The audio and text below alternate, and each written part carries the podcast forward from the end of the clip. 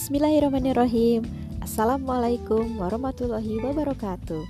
Selamat pagi wanita, apa kabar? Perkenalkan, nama saya Rima. Saya yang akan menjadi host sekaligus teman ngobrol teman-teman di podcast Aku Wanita. Ini adalah podcast perdana kami. Di podcast ini kita akan membahas semua hal tentang wanita. Tentang aku, tentang kamu, dan tentang kita semua para wanita um, akan banyak hal yang kita bahas tentang dunia wanita ini, tentang kita sebagai seorang personal, bagaimana kita menjadi wanita seutuhnya, tentang potensi diri, kekuatan, fitrah, karir, rumah tangga, dan juga tentang parenting. Untuk sesi perdana kali ini, kita akan berbicara tentang potensi diri. Hmm, kalau kita bicara tentang potensi diri, yang terlintas adalah bakat ya. Hmm, sebagai seorang kewanita, kita memang dilahirkan dengan banyak sekali potensi atau bakat yang kita miliki. Ah, sebetulnya potensi diri itu sendiri adalah kemampuan-kemampuan yang mungkin kita miliki, tapi kadang-kadang belum dimanfaatkan dengan baik. Kali ini kita akan lebih banyak berbicara tentang bakat. Apakah teman-teman di sini memiliki bakat? Pernahkah berpikir apa itu bakat? Seperti apa? Hmm, mari kita bahas sama-sama. Jadi sebetulnya ketika seorang manusia dilahirkan, maka Allah sudah memberikan menitipkan berbagai macam uh, bekal untuk kita menghadapi di dunia ini. Bekal-bekal itu bisa kita sebut sebagai fitrah sebagai modal awal kita untuk menghadapi uh, kejamnya dunia. okay. Nah, fitrah itu sendiri ada banyak sekali yang sebetulnya sudah menjadi instalan kita ya, sudah menjadi bekal bawaan kita. Ada fitrah keimanan, fitrah belajar, fitrah bakat, fitrah perkembangan, fitrah individualitas dan macam-macam. Kalau dalam fitrah based education itu minimal ada 8 aspek fitrah yang bisa kita uh, apa namanya bisa kita ketahui. Ada salah satu yang ingin kita bahas yang berhubungan dengan bahasan kita hari ini yaitu tentang fitrah bakat. Sebetulnya bakat itu apa sih? Apakah memang betul semua orang memiliki bakat? Begitu banyak sebetulnya definisi bakat menurut para ahli, banyak sekali buku-buku tentang bakat. Akan tetapi di sini kita hanya akan menggunakan istilah bakat dengan menggunakan talent mapping sebagai acuan. Talent mapping sendiri adalah sebuah asesmen bakat yang ditemukan oleh Abah Ramaroyani berdasarkan dari penelitian oleh Gallups. Agar tidak terjadi salah persepsi, kita akan sepakati terlebih dahulu apa definisi bakat. Bakat menurut talent mapping adalah pola pikiran, perasaan, dan perilaku yang berulang-ulang dimanfaatkan untuk produktivitas. Dengan kata lain, bakat adalah sifat yang produktif. Kenapa? Karena bakat itu sendiri diberikan oleh Tuhan Yang Maha Esa untuk memberikan manfaat bagi orang lain. Jadi, kalau kita mau berbicara tentang analogi, nah, bakat itu berhubungan dengan misi hidup. Misi hidup. Analoginya seperti ini. Semua hal di dunia ini diciptakan dengan tujuannya masing-masing, termasuk manusia. Tujuan besarnya tentu kita sudah sepakati bersama, manusia diciptakan untuk beribadah kepada Allah Subhanahu wa taala. Diciptakan sebagai khalifah uh, untuk uh, menjadi pemimpin di muka bumi dan sebagainya dan seterusnya. Akan tetapi secara personal, setiap personal ini memiliki tujuannya masing-masing, memiliki tujuan khusus satu persatu. Ini yang disebut dengan tujuan hidup atau misi hidup. Untuk menyelesaikan misi tersebut, Allah memberikan semacam tools atau perangkat unik agar kita dapat menyelesaikan apa yang menjadi misi kita tersebut. Dari mana kita bisa melihatnya? Kita bisa melihat tujuan kita diciptakan ke dunia dengan melihat hal-hal apa yang kita miliki secara unik yang tidak orang lain miliki. Contoh, seseorang yang memiliki kemampuan memimpin, orangnya tangguh, bertanggung jawab, pemberani, tidak takut konflik, dia memang diciptakan sebagai pemimpin. Allah ciptakan dia untuk memimpin sesuatu. Allah berikan dia kekuatan untuk memimpin. Berarti dia e, misi hidupnya untuk sebagai seorang pemimpin.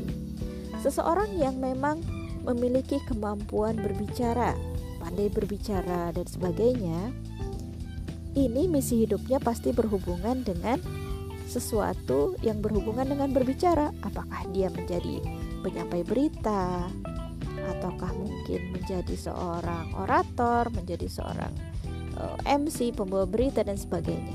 Pasti berhubungan dengan kemampuannya berbicara seperti itu. Karena kemampuan setiap personal itu berbeda-beda tidak sama satu sama lain gitu. Bahkan orang yang sama-sama bisa berbicara pun memiliki keunikan-keunikan tersendiri. Ada yang bisa berbicara uh, di depan orang banyak, ada yang bisa berbicara tapi harus di belakang layar dan sebagainya. Banyak sekali. Nanti bisa kita gali seterusnya ke depan. Nah, potensi-potensi inilah yang berhubungan dengan tadi saya bilang misi hidup tujuan kita diciptakan ke dunia ini berhubungan dengan e, bisa dilihat dari kekuatan-kekuatan yang kita miliki tersebut. Ini yang kita sebut sebagai bakat. Nah, bakat itu sendiri di dalam talent mapping itu ada 34 yang berkaitan dengan sifat dan 15 yang terkait dengan fisik. Kita akan bahas di podcast berikutnya uh, lebih detail lagi tapi kali ini saya akan mencoba menjelaskan ciri-ciri bakat. Apa saja sih ciri-ciri bakat itu sendiri? Untuk mengetahui mana yang kita, e, bisa disebut sebagai bakat, mana aktivitas yang tidak di, tidak menjadi bakat, kita perlu mengetahui ciri-cirinya. Ciri-ciri bakat itu di antaranya adalah pertama yearning atau nagih. Jadi jika sebuah aktivitas adalah bakat, maka aktivitas tersebut akan membuat kita ketagihan dan terus-menerus ingin melakukannya. Kita ingin terus, terus, dan terus melakukan aktivitas tersebut. Bikin lagi pokoknya. Kemudian yang kedua, yang menjadi ciri bakat, kita, uh, eh, rapid, rapid learning atau kita akan cepat dalam mempelajarinya. Secara alami, kita akan merasa mudah dan lebih cepat memahami sesuatu yang memang menjadi bakat kita. Misalnya, bagi seseorang yang memang memiliki bakat berbicara, mungkin aktivitas eh, public speaking itu bukan hal yang sulit bagi dia. Kemudian yang selanjutnya yang ketiga ciri bakat itu adalah flow atau mengalir saat melakukan sebuah aktivitas. Saat melakukan aktivitas yang memang menjadi bakat kita, maka kita akan menjadi sering lupa waktu karenanya. Saking asiknya, saking senangnya, akhirnya kita lupa. Oh iya ya, ini adalah flow. Yang selanjutnya certification atau memberikan kepuasan. Nah, hal inilah yang utama yang kita rasakan saat kita melakukan aktivitas yang menjadi bakat kita. Rasa terpuaskan yang pada akhirnya mengalahkan segala rasa lelah yang dialami oleh fisik. Jadi kalau kita melakukan aktivitas bakat itu kita nggak capek gitu. Kita itu karena saking puasnya kita senang dan kita bahagia akhirnya kita tidak merasakan rasa lelah atau rasa capek. Yang kelima ciri bakat yang terakhir yaitu glimpse of excellence memperlihatkan keunggulan. Seseorang yang memiliki bakat dalam hal melakukan sesuatu maka secara alami akan terlihat keunggulannya saat melakukan hal tersebut. Jadi orang yang memang punya bakat melakukan sesuatu dengan yang tidak itu akan terlihat perbedaannya gitu.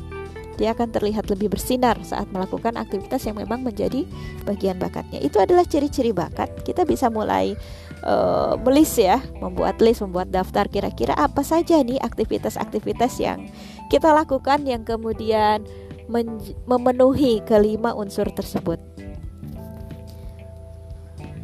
Kita bisa memulai proses pencarian bakat yang sekaligus juga sebagai proses memahami diri dari sini.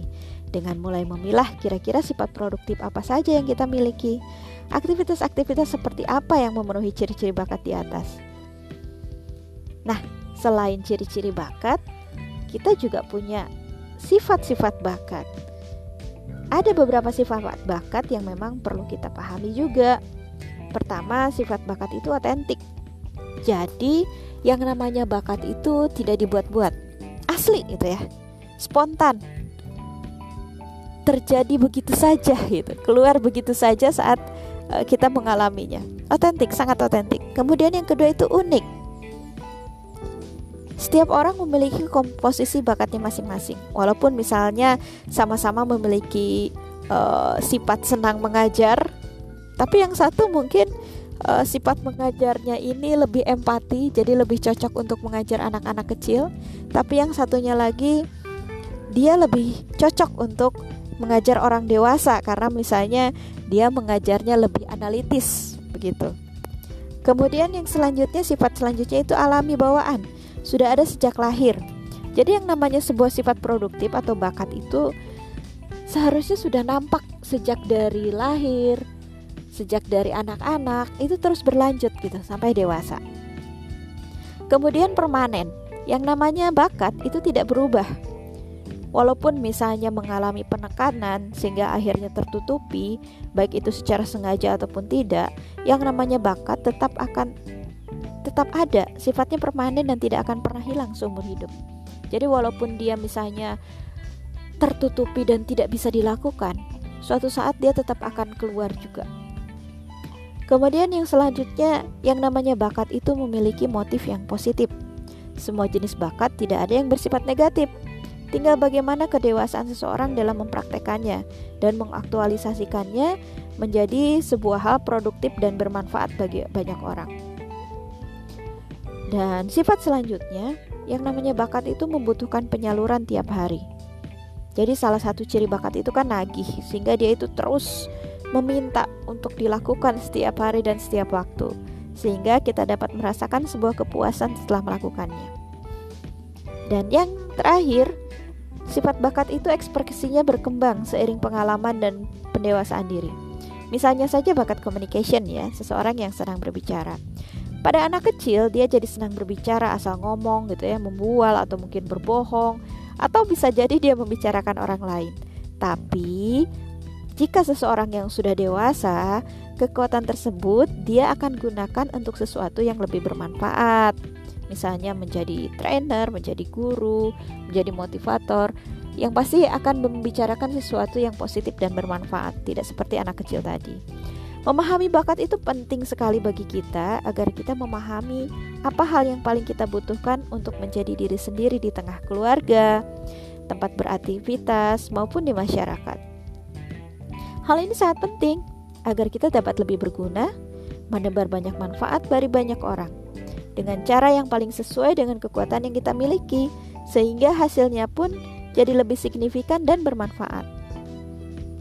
Jadi, seperti itu, teman-teman kalau kita ingin menjadi seseorang yang lebih bermanfaat, yang lebih produktif, ada baiknya kita bisa memahami diri kita sendiri karena orang yang memahami diri sendiri sendiri itu dia akan lebih menghargai dirinya, tidak menjadi orang yang rendah diri atau menjadi orang yang bingung mau ke mana.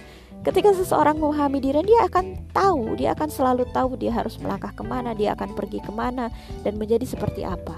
Itulah yang eh, hal-hal positif yang bisa kita dapatkan ketika kita bisa memanfaatkan bakat yang kita miliki. Nah, jadi makin penasaran dengan dunia bakat? Oke, okay, uh, eh, kita akan bahas lebih lanjut tentang dunia bakat di sesi berikutnya ya, teman-teman. Banyak sekali loh, sangat menarik jika kita membahas tentang hal-hal ini. Oke okay deh, untuk saat ini kita cukupkan pembahasan kita tentang mengenal bakat. Terima kasih kawan telah mendengarkan podcast Aku Wanita sesi ini. Sampai jumpa di podcast Aku Wanita berikutnya. Hiasi hati dengan cinta dan kasih sayang, tetaplah lentur, melenting, dan menari bersama bumi. Wassalamualaikum warahmatullahi wabarakatuh.